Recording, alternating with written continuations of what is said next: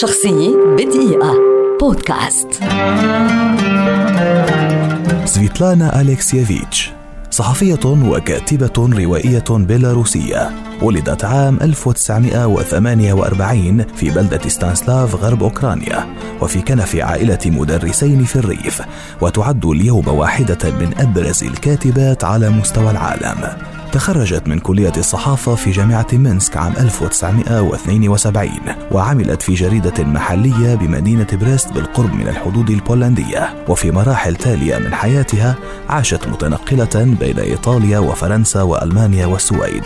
انطلقت مسيرتها الأدبية عام 1985 مع عملها الأول الذي حمل عنوان ليس للحرب وجه أنثوي الكتاب الذي يستند إلى حوارات نابضة بالخسارة أجرتها مع مئات النساء اللواتي وقفن على الجبهة في الحرب العالمية الثانية وعددهن يقدر بمليون امرأة. حقق هذا العمل نجاحا كبيرا واستطاع أن يؤثر بالكثيرين لتتوالى أعمالها الرائعة بعد ذلك والتي منها نذكر فتيان الزنك مسحور بالموت. صلاة تشيرنوبل آخر الشهود وزمن مستعمل.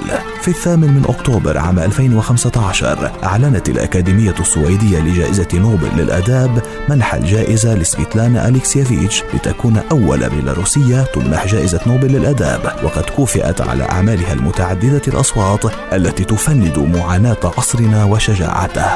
شخصية بدقيقة. بودكاست.